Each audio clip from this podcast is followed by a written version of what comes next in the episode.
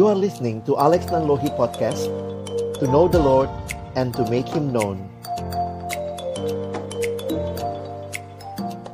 Ya Bapak kami bersyukur karena Tuhan boleh menolong kami melalui sesi pertama tentang visi dan misi pelayanan mahasiswa dan dalam sesi yang kedua ini kami akan melihat apa yang menjadi keunikan pelayanan mahasiswa. Kami akan mendapatkan wawasan maupun juga penggalian firman-Mu. Tolong kami agar ketika kami membuka firman-Mu, bukalah juga hati kami. Jadikanlah hati kami seperti tanah yang baik, supaya ketika benih firman Tuhan ditaburkan boleh sungguh-sungguh berakar, bertumbuh, dan juga berbuah nyata di dalam kehidupan kami. Berkati hambamu sekali lagi yang menyampaikan dan juga setiap kami yang mendengar dan juga interaksi di antara kami boleh akhirnya makin mendaratkan topik ini. Dalam nama Tuhan Yesus kami berdoa. Amin. ya, teman-teman eh, kita masuk sekarang tentang keunikan pelayanan. Jadi nanti saya mau coba share juga materi ini dari slide yang saya siapkan ya. Oke. Okay. Seperti tadi kita udah bicara bahwa pelayanan mahasiswa harus dikerjakan dengan visi yang jelas, di mana visi yang jelas itu akan melahirkan misi, dan misi ini juga yang akan dituangkan di dalam strategi pelayanan, ya. Nah, teman-teman ada dalam bagian kepengurusan ini, saya pikir ini kesempatan yang indah buat kalian juga semakin boleh bertumbuh di dalam Tuhan ya. Nah, uh, ini sudah saya jelaskan tadi. Nah, mungkin yang sekarang perlu kita pikirkan adalah begini. Apa sih yang dimaksud dengan keunikan pelayanan mahasiswa? Saya kasih gambarannya begini kali teman-teman ya. Kalian orang pendidikan, kalian orang keguruan. Anggaplah ada satu guru yang sama. Satu guru mengajar satu kelas, ya. Nah, lalu kemudian kita bikin perbandingan. Yang satu, jadi ini gurunya sama, anggota kelasnya, muridnya sama. Tapi kemudian kita melakukan percobaan. Yang satu kita coba ubah setting kelasnya. Yang satu settingnya seperti biasa, duduk yang bersaf begitu, lihat guru ke depan. Lalu kemudian yang satu Nah, kita lihat kita buat settingan ruangannya bahwa guru di tengah, murid-murid mengelilingi dalam bentuk U, letter U sebegitu ya. Nah, mungkin ada yang pernah bikin skripsi kali ya atau mungkin juga penelitian tentang bagaimana pengaruh dari bentuk ruang kelas kepada keefektifan mengajar. Nah, jadi poin saya adalah begini Ternyata mungkin waktu diteliti ya, abang sih cuma ngira-ngira aja ya. Mungkin ada yang bilang, oh kelas yang model begini, yang duduknya itu menghadap ke depan semua, itu bagusnya untuk mengajar ini. Sementara kalau misalnya mengharapkan diskusi, bagusnya bentuk kelasnya U, supaya siswanya bisa saling melihat, gurunya lebih bersifat sebagai moderator. Nah, jadi Poin saya adalah guru yang sama, anggota kelas murid yang sama, dalam setting yang berbeda, ini keefektifannya juga beda-beda. Nah, jadi waktu bicara keunikan pelayanan mahasiswa, saya membayangkan bahwa keunikan pelayanan mahasiswa ini kita membicarakan iklim apa settingan apa yang perlu diperhatikan supaya visi dan misi pelayanan mahasiswa ini bisa berjalan dan berhasil dengan baik. Nah, teman-teman, saya kasih contoh lagi kali ya kalau misalnya teman-teman yang pertanian begitu ya, mereka bikin percobaan. Jadi ada pohon yang sama atau benih yang sama ditaruh di dua situasi yang berbeda. Nanti kemudian dilihat nih, yang mana yang tumbuhnya lebih subur? benihnya sama, tanahnya sama, tapi mungkin dikasih perlakuan. Yang ini sinar mataharinya langsung, ini misalnya nggak sinar matahari langsung, yang ini disiram berapa hari sekali, yang ini disiramnya berapa hari sekali. Nah, ketika akhirnya dilihat yang mana yang paling bagus pertumbuhannya, maka itu dianggap lingkungan yang paling efektif. Ya. Jadi bagaimana kalau kita membayangkan ya, bagaimana membayangkan pelayanan mahasiswa ini dikerjakan dengan baik? Apa saja kondisi sekitarnya yang perlu diperhatikan supaya pelayanan mahasiswa kalau kita ibaratkan tanaman bisa bertumbuh dengan subur. Poinnya jadinya begini juga. Kalau seandainya ada hal-hal yang tidak dilakukan, bisa tetap berjalan nggak pelayanan mahasiswa? Saya pikir sih bisa tetap berjalan, tapi mungkin tidak seefektif kalau keunikan ini kita perhatikan. Jadi saya ulangi ya. Banyak yang saya suka nanya, apa memang harus seperti itu, Kak? Dalam pengalaman saya kurang lebih 20 tahun ini melayani mahasiswa, saya harus katakan begini, bahwa ini adalah kondisi yang paling menolong visi misi pelayanan mahasiswa dikerjakan dengan maksimal. Jadi kalau ada yang melanggar tidak pakai prinsip ini, tetap ada pelayanan mahasiswanya ada, tapi mungkin tidak selebat buah dari yang benar-benar memperhatikan keunikan ini. Ya, jadi nanti kita akan coba bahas sama-sama. Nah, saya menuliskan di materi keunikan pelayanan mahasiswa yang dimaksud adalah semangat dan kegiatan yang menjadi ciri dan kekuatan pelayanan mahasiswa. Jadi, ingat ya, kita bicara semangatnya dan tentunya semangat itu dalam hal yang praktis diterjemahkan menjadi kegiatan, program yang jadi ciri dan kekuatan pelayanan mahasiswa. Nah, teman-teman saya senang dengan kata keunikan ya, karena keunikan ini mengandung pengertian begini. Unik itu bukan berarti nggak ada di tempat lain. Contoh,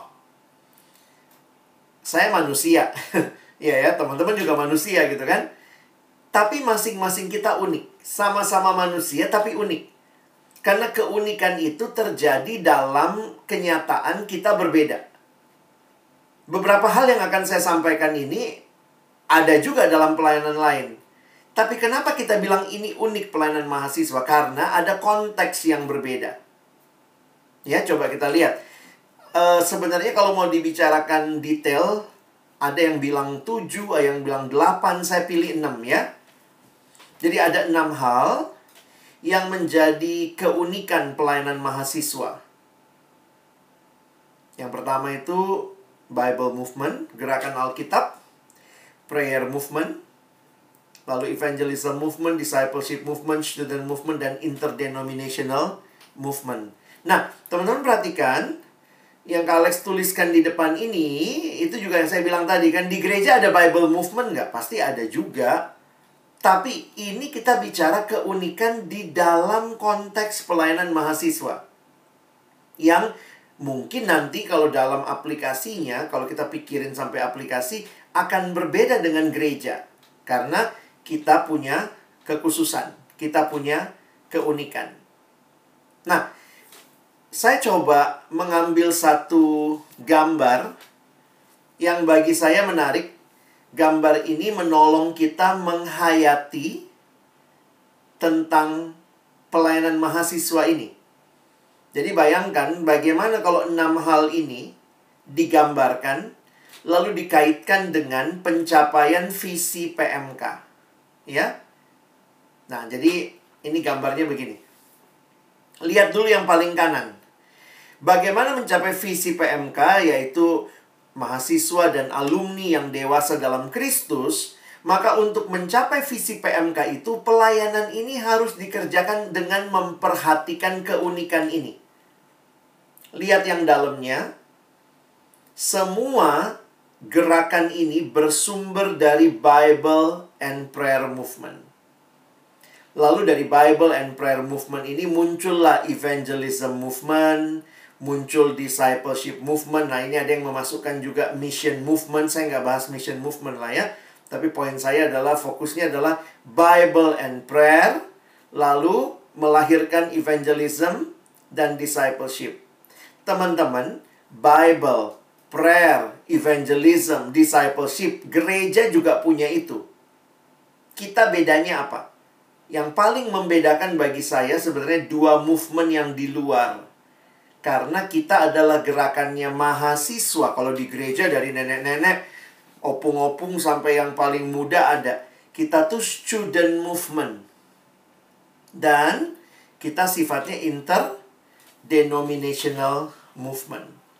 Jadi saya melihat ini gambar yang bagi saya paling mewakili apa yang seharusnya terjadi di dalam pelayanan mahasiswa supaya memastikan bahwa pelayanan ini akan tumbuh dengan baik. Maksudnya abang apa? Mungkin kamu nanya, emang bisa nggak tumbuh dengan baik? Oh bisa. Di beberapa kampus mereka tidak interdenominasi.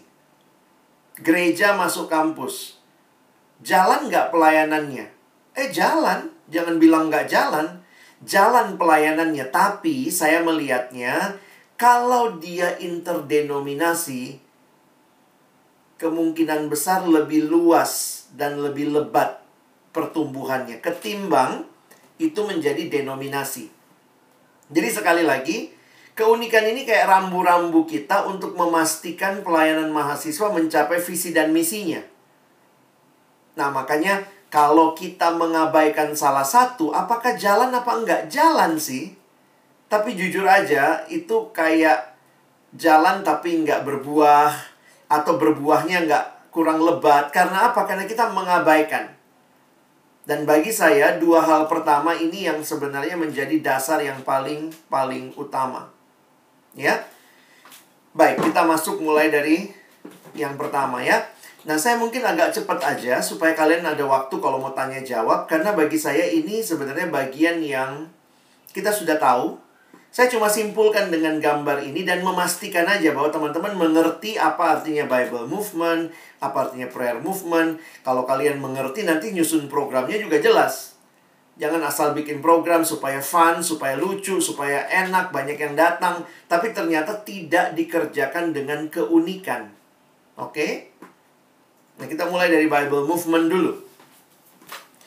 Jadi, dasar Alkitabnya apa? Di mana-mana kalau kita uh, saya mesti tunjukin lagi ya. Teman-teman mau mencapai apa? alumni yang dewasa dalam Kristus. Nah, dewasa itu kan kita menerjemahkannya jadi garam dan terang. Kalau mungkin konteks kalian berbuah dalam bidang pendidikan. Nah, bagaimana mencapai itu? Pastikan makanan pokoknya Alkitab gitu ya. Karena firman Tuhan yang bisa memberikan pertumbuhan rohani. Nah, ini yang kita lihat dasar Alkitabnya. Jadi saya selalu mulai dari dasar Alkitabnya, lalu nanti kita lihat sampai praktisnya. Teman-teman bisa baca ya. Manusia hanya dapat mengetahui jalan keselamatan melalui Alkitab. Perintah dan teladan untuk mempelajari merenungkan firman Tuhan. Di beberapa gereja, saya pikir Alkitab menempati tempat yang sangat utama. Makanya yang masuk pertama tuh Alkitab di gerejanya. Lalu kemudian pendetanya diserahin Alkitab untuk dihotbahkan. Jadi bagi saya, uh, sebenarnya gereja pun punya keunikan ini dan poinnya yang harusnya terjadi benar-benar menghayati itu. Karena apa? Sejarah kebangunan rohani kalau kalian perhatikan itu karena umat berjumpa dengan Allah lewat firman. Nah, itu ada masa-masa di situ ya.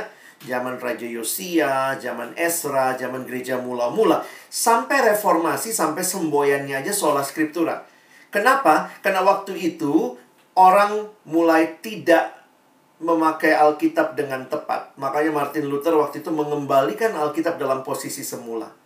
Kalau pelayanan mahasiswa sudah tidak bahas Alkitab, acaranya rujak party, es krim party, pokoknya yang terjadi bukan perubahan hidup, perubahan berat badan.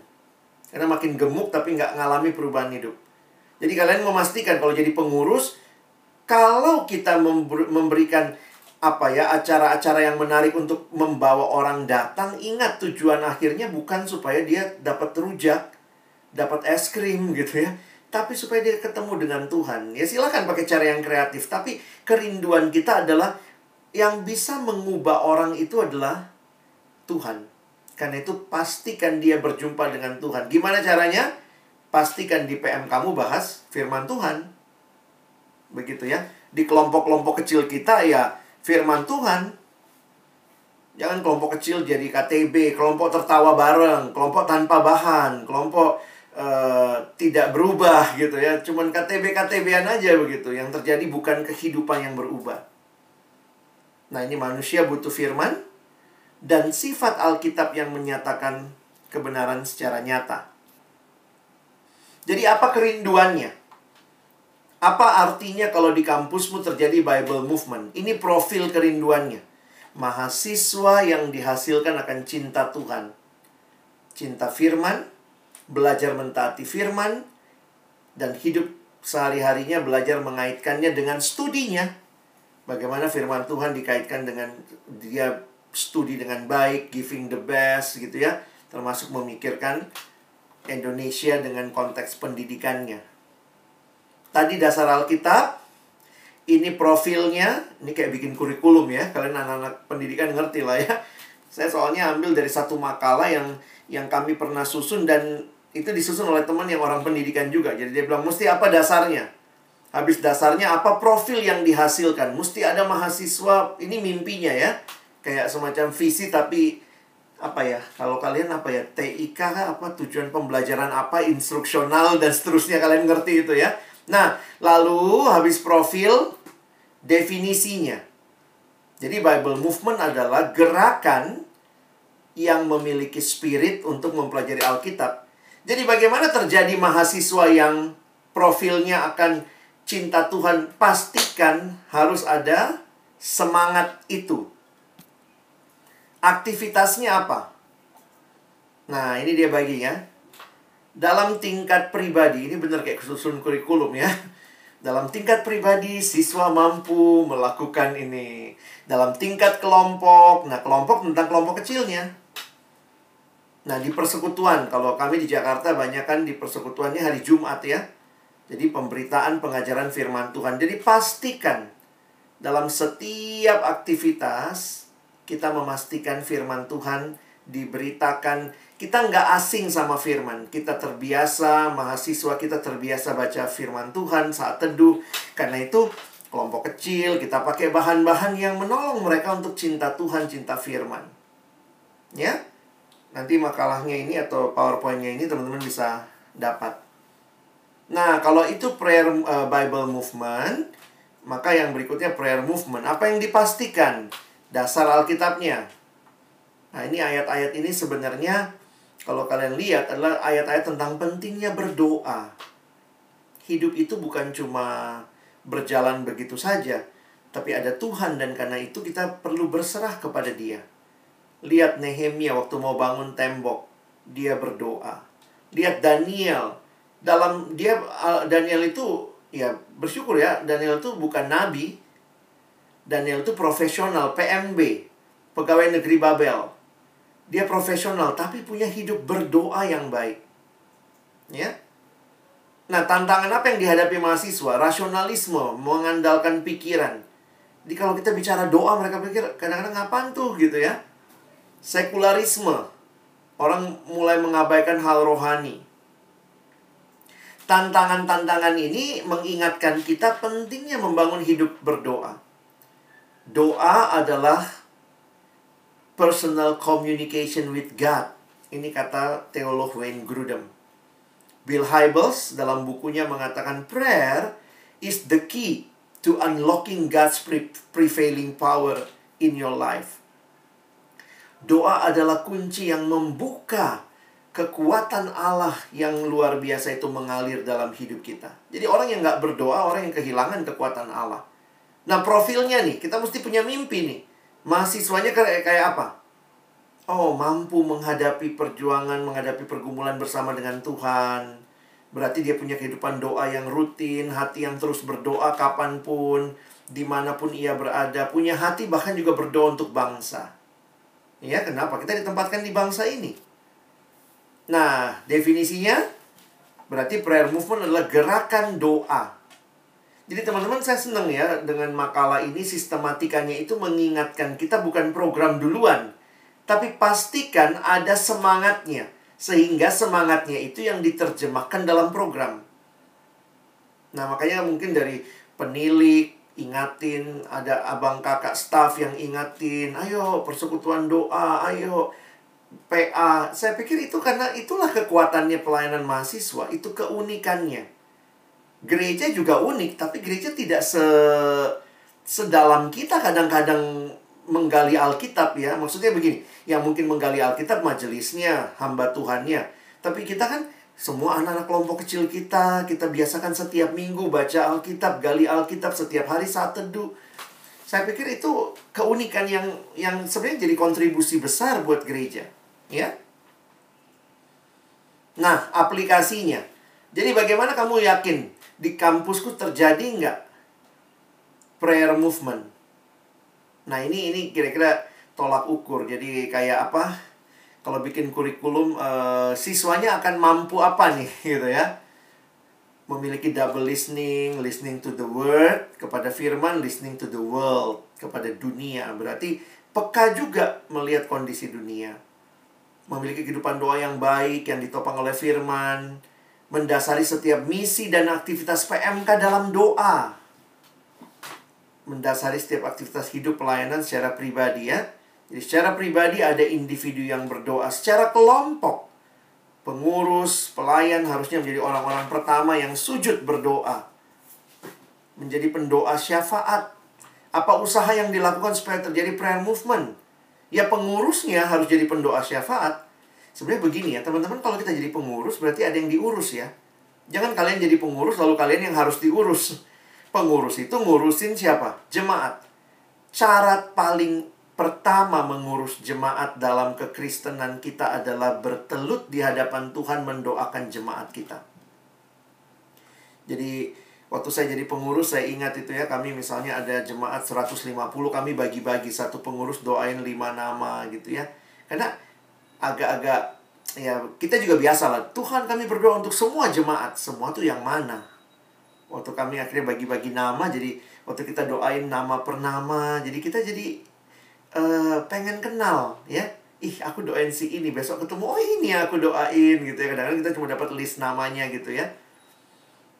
Nah kalau pengurusnya adalah orang-orang yang berdoa saya pikir juga pelayanan mahasiswa di kampus lama-lama kan menular begitu ya waktu doa syafaat doa kelompok dalam persekutuan Jumat adanya bidang doa nah ini kan salah satu usaha supaya prayer movement terjadi kenapa bidang doa ada supaya ada kegerakan doa di kampus. Dan kalau ada kelompok kecil, maka kelompok kecil KTB miliki kehidupan doa bersama maupun doa pribadi yang baik. Oke? Jadi ini dua yang pertama. Prayer and Bible movement. Nah, ketika orang berakar dalam firman dan doa sebenarnya dari situlah juga kita melihat munculnya evangelism movement dan discipleship movement. Dasar firmannya apa? Ya Tuhan Yesus perintahin memberitakan Injil ini bukan program PMK. Kalaupun kalian sudah tidak di kampus, tidak jadi pengurus, berhenti memberitakan Injil? Enggak, masih tetap. Karena ini perintah Tuhan. Manusia berdosa, termasuk mahasiswa, butuh keselamatan. Nah, ada keunikan teman-teman. Keunikan dunia kampus, dunia mahasiswa beda sama gereja ya ini close society. Jadi bagaimana memastikan di kampus terjadi penginjilan? Mungkin karena kita punya kebiasaan berpikir kalau orang yang hanya besar di gereja, dia pasti mikir gini, yang harusnya melakukan penginjilan adalah hamba Tuhan, majelis. Tapi kita di kampus menarik ya. Kita tuh punya keyakinan yang harusnya memberitakan Injil kepada mahasiswa siapa? Mahasiswa sendiri. Ini filosofi kita, student reaching student. Karena itu training penginjilan. Kita buatlah penginjilan itu begitu rupa. Anak baru masuk, kita buatin acara, kita bikin KKR, kita bikin retret, kita bikin kelompok-kelompok penginjilan. Jadi profilnya, mahasiswa yang menjadikan penginjilan sebagai gaya hidup. Jadi definisinya apa? Bukan gerakan kristenisasi, ini gerakan pemberitaan kabar baik kasih Allah oleh dan untuk mahasiswa ya, sorry, melalui gaya hidup mereka. Nah, aplikasinya Apakah di kampusmu ada doa-doa yang dinaikkan untuk Tuhan bekerja? Firman diberitakan orang kenal Tuhan. Lalu ada orang-orang yang sudah diinjili, dia punya rasa berhutang untuk kembali melayani. Saya pikir sih abang kakak yang jadi penilik ini orang-orang yang masih memberi diri padahal udah nggak nggak nggak ada di kampus tapi kok masih memberi diri karena mereka punya rasa berhutang dan siapa yang mereka bisa empower yang mereka bisa dorong yang mereka bisa tolong ya pengurus makanya penilik itu memang tidak langsung ke jemaat tapi nolongin pengurus lalu terjadi kebangunan rohani kehausan akan firman kerinduan bersekutu dan tentunya perubahan hidup nah apa aktivitas yang bisa dilakukan nah ini kalau aktivitas mah kalian bisa mikir sendiri ya, bikin training kah, melakukan bahkan bagi saya begini ya. Bagi saya sebenarnya penginjilan yang lifestyle itu susah diprogramin. Tapi benar-benar dari hidupmu, kamu rindu orang boleh kenal Tuhan, kamu rindu orang boleh datang mengalami perjumpaan dengan Tuhan. Sehingga karena kamu rindu, maka kamu belajar trainingnya apa nih yang bisa menolong saya bisa lebih efektif membagikan firman. Jadi pastikan, Kenapa saya bilang unik? Di gereja itu ini bagian tugasnya komisi PI, komisi penginjilan. Tapi di pelayanan mahasiswa kita semua kayak didorong begitu rupa. Diingatkan, penginjilan adalah bagian kita. Harus kita menginjili teman-teman kita. Membawa mereka kenal Tuhan Yesus. Jadi bagi saya ini keunikan. Kenapa? Sekali lagi, karena kita ada dalam pelayanan mahasiswa yang lebih homogen. Ya. Sesudah diinjili, ya kita bawa mereka jadi murid. Jadi karena itu program kita tidak berhenti sampai penginjilan. Tidak P1 saja. Tapi P2, P3, saya pikir itu keunikan kita. Kenapa ya Tuhan Yesus lakukan itu? Bahkan amanat agungnya nggak berhenti dengan pergi jadikan semua bangsa muridku saja. Tapi fokus kepada kata jadikan segala bangsa muridku. Dan ini juga jelas bukan hanya Tuhan Yesus, bahkan Paulus juga ya. Paulus dalam 2 Timotius 2 dia mengingatkan Timotius, apa yang kau dengar daripadaku Timotius di depan banyak saksi, percayakan itu kepada orang yang dapat dipercaya yang juga cakap mengajar orang lain. Jadi profilnya apa? Mahasiswa yang menjadi murid yang mempertuhankan Yesus. Akhirnya dia bertumbuh. Kalau tadi penginjilan dia kenal Yesus, sekarang dia bertumbuh apa yang bertumbuh? Karakternya, wawasannya, skillnya, bebannya, dan seterusnya. Nah, jadi definisinya, balik lagi, ini semangat gerakan yang menghasilkan murid yang mempertuhankan Kristus. Apa aplikasi dan aktivitasnya? Berarti ada kelompok kecil. Jadi sebenarnya bagaimana memastikan di kampus kita terjadi nggak ya? Oh ada kok, ada KTBK. Oh iya, puji Tuhan. Berarti kalian berpikir serius tentang pemuridan. Tentang discipleship. Nah, tapi ada kampus-kampus yang nggak peduli tuh. Yang penting udah diinjili, dibiarin begitu ya. Kita nggak nih. Kita bahkan mikirin ada regenerasi pengurus, ada sistem organisasi manajemen yang baik, lalu ada pembentukan karakter yang terjadi dan seterusnya. Oke? Penginjilan, dan pemuridan. Jadi kita udah belajar Bible movement, prayer movement, evangelism movement, dan mission movement. Ah, sorry, discipleship movement. Nah, ini yang tadi Kak Alex bilang, sebenarnya kan itu gereja punya juga hal-hal yang itu. Yang benar-benar gereja nggak punya nih yang dua ini. Yang student sama interdenominasi. Kenapa? Karena gereja itu denominasi. Ya, dan di gereja tuh isinya bukan cuma student. Ada orang tua, ada anak kecil. Tapi di, di pelayanan mahasiswa digenapi di dalam keunikan student movement dan interdenominasi. Nah, saya langsung masuk kepada semangatnya ya. Student movement dulu. Student movement ini artinya apa? adalah bicara penanggung jawab utama. Mungkin kalau kalian mau tangkap idenya, tangkap aja itu.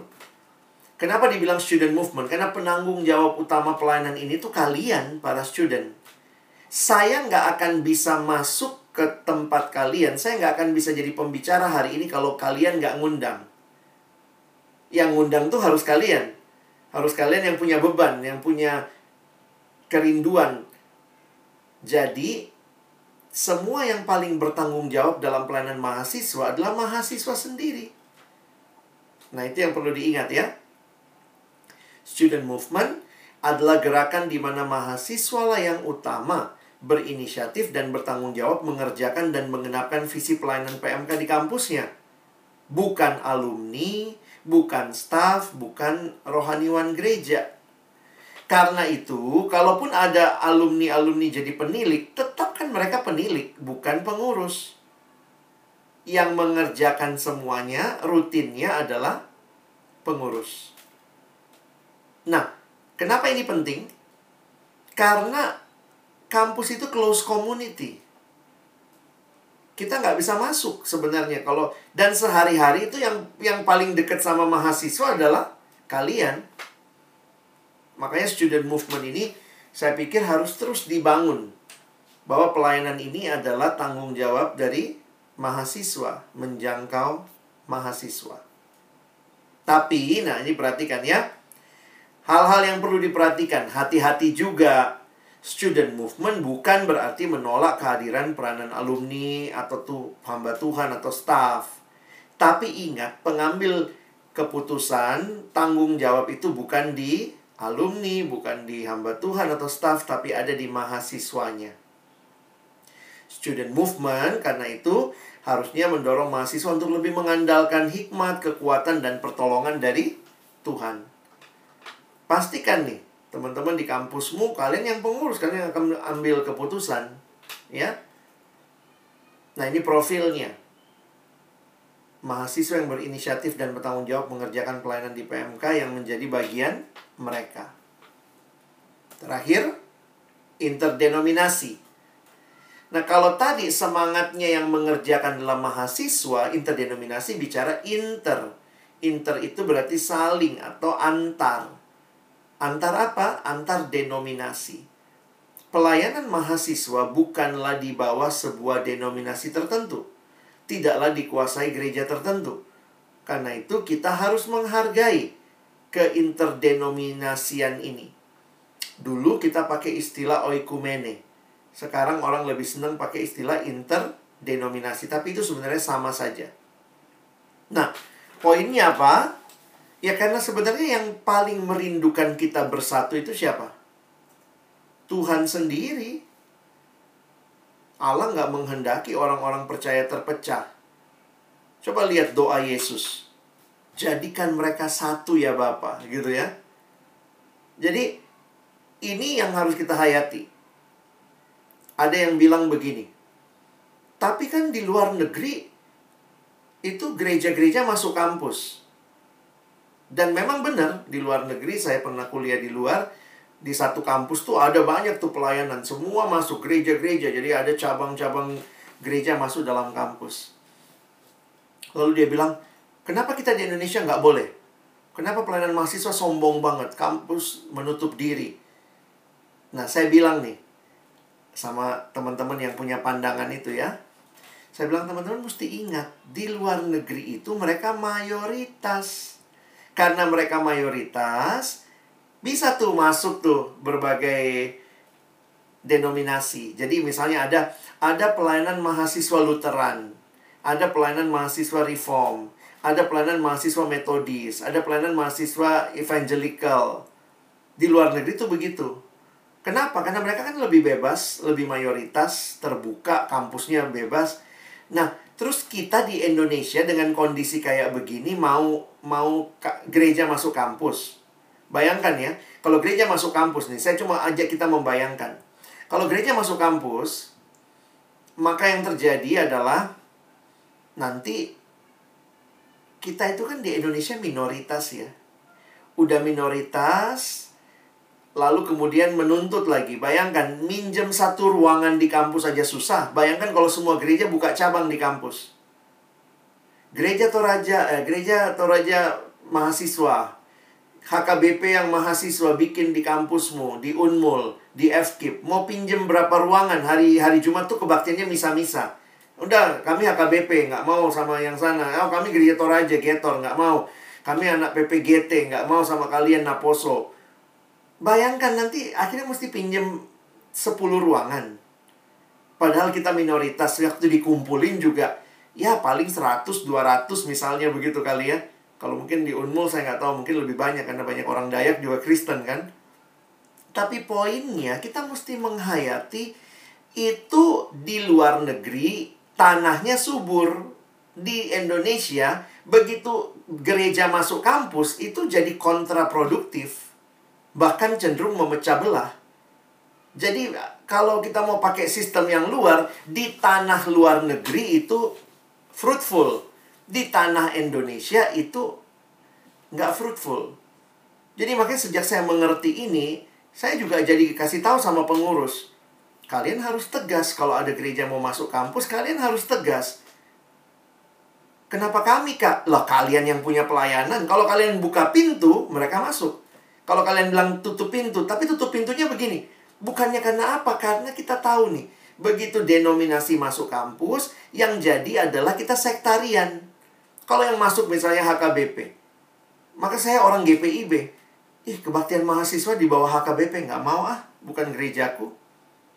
Tapi kalau di FKIP ini, kebaktian mahasiswanya adalah oikumene, interdenominasi, maka semua akan merasa ini rumah kami. Kenapa? Karena ke FKIP-annya lebih kuat, keunmulannya lebih kuat daripada kedenominasian kalian. Dan bagi saya, untuk konteks kita yang minoritas ini jauh-jauh lebih fruitful. Ada banyak gereja udah coba masuk kampus. Ya, beberapa ada yang bagus, saya lihat. Tapi jujur aja saya harus katakan sekali lagi, itu bukan berarti nggak bisa. Tetap bisa, tetap jalan. Tapi menurut saya jauh lebih fruitful kalau itu interdenominasi. Nah, jadi teman-teman, penghayatan seperti ini nih yang kita harus bangun. Profilnya mahasiswa yang menghargai keberagaman, termasuk keberagaman dalam kita. Kita Kristen banyak banget ya uh, denominasinya. Tapi itu bukan kamu bisa memaknai denominasi itu pertama begini. Memaknainya sebagai perpecahan. Tapi di sisi yang lain, saya melihatnya sebagai sebuah kekayaan, keberagaman. Dan bagi saya justru itu yang Tuhan Yesus doakan. Ya Bapak supaya mereka menjadi satu. Tapi satu yang Tuhan maksud bukan seragam. Nah kalau kita mau berargumentasi bisa panjang ya. Karena nanti kalian lihat. Di dalam gereja mula-mula sudah ada juga golongan Paulus, golongan Petrus, golongan Apolos. Tapi Paulus bilang di 1 Korintus 3, yang penting bukannya siapa, tapi Tuhan yang memberi pertumbuhan. Jadi saya melihat bahwa sejak awal juga denominasi atau golongan tidak ditentang. Toh Paulus juga sadar ada pembagian-pembagian golongan, tetapi Paulus bisa melihat lebih dasar bagaimana setiap denominasi ini harusnya bisa melihat Kristus. Dan saya bersyukur ketika gereja di Indonesia terpecah-pecah dengan denominasinya, PMK, Persekutuan Mahasiswa, kita bisa bersatu loh. Dari berbagai denominasi yang berbeda. Justru inilah kekuatan dan kekayaan yang saya pikir akan sangat menolong. Bayangkan kalau kamu dibina di pelayanan mahasiswa, lalu kamu balik ke gerejamu. Bukankah pelayanan mahasiswa telah memberkati gereja, walaupun gereja nggak sadar ya. Selalu curiga aja, apa ini PMK, apa ini persekutuan, apa ini perkantas gitu ya. Kayak sempalan. Tapi sebenarnya yang terjadi dalam pelayanan mahasiswa menyiapkan orang untuk masuk akhirnya kembali ke gereja dan jadi berkat di gereja masing-masing. Jadi saya pikir eh, penghayatan ini yang saya rindukan. Saya berhenti sampai di sini kali ya supaya teman-teman juga akhirnya bisa menghayati eh, kenapa kita perlu dengan baik menjaga interdenominasi, menjaga student movement untuk memastikan Bible movement berjalan prayer movement berjalan, discipleship movement berjalan, evangelism movement berjalan. Demi apa? Jangan lupa, ujungnya menghasilkan alumni yang dewasa dalam Kristus. Itulah visinya PMK. Cara mengerjakannya pelihara keunikan-keunikan ini. Bagaimana memeliharanya? Bagaimana memeliharanya? Ya nanti waktu kalian bikin program, usahakan supaya dalam setiap program jelas. Firman diberitakan, orang boleh kenal Injil, pemuridan dilakukan, dan dipelihara dalam semangat mahasiswa yang menjadi penanggung jawab dan interdenominasi. Oke, saya berhenti sampai sini. Kiranya menolong teman-teman bisa punya pemahaman dan gambaran pelayanan mahasiswa. Ada pertanyaan? Saya masih punya beberapa menit. Silakan kalau ada.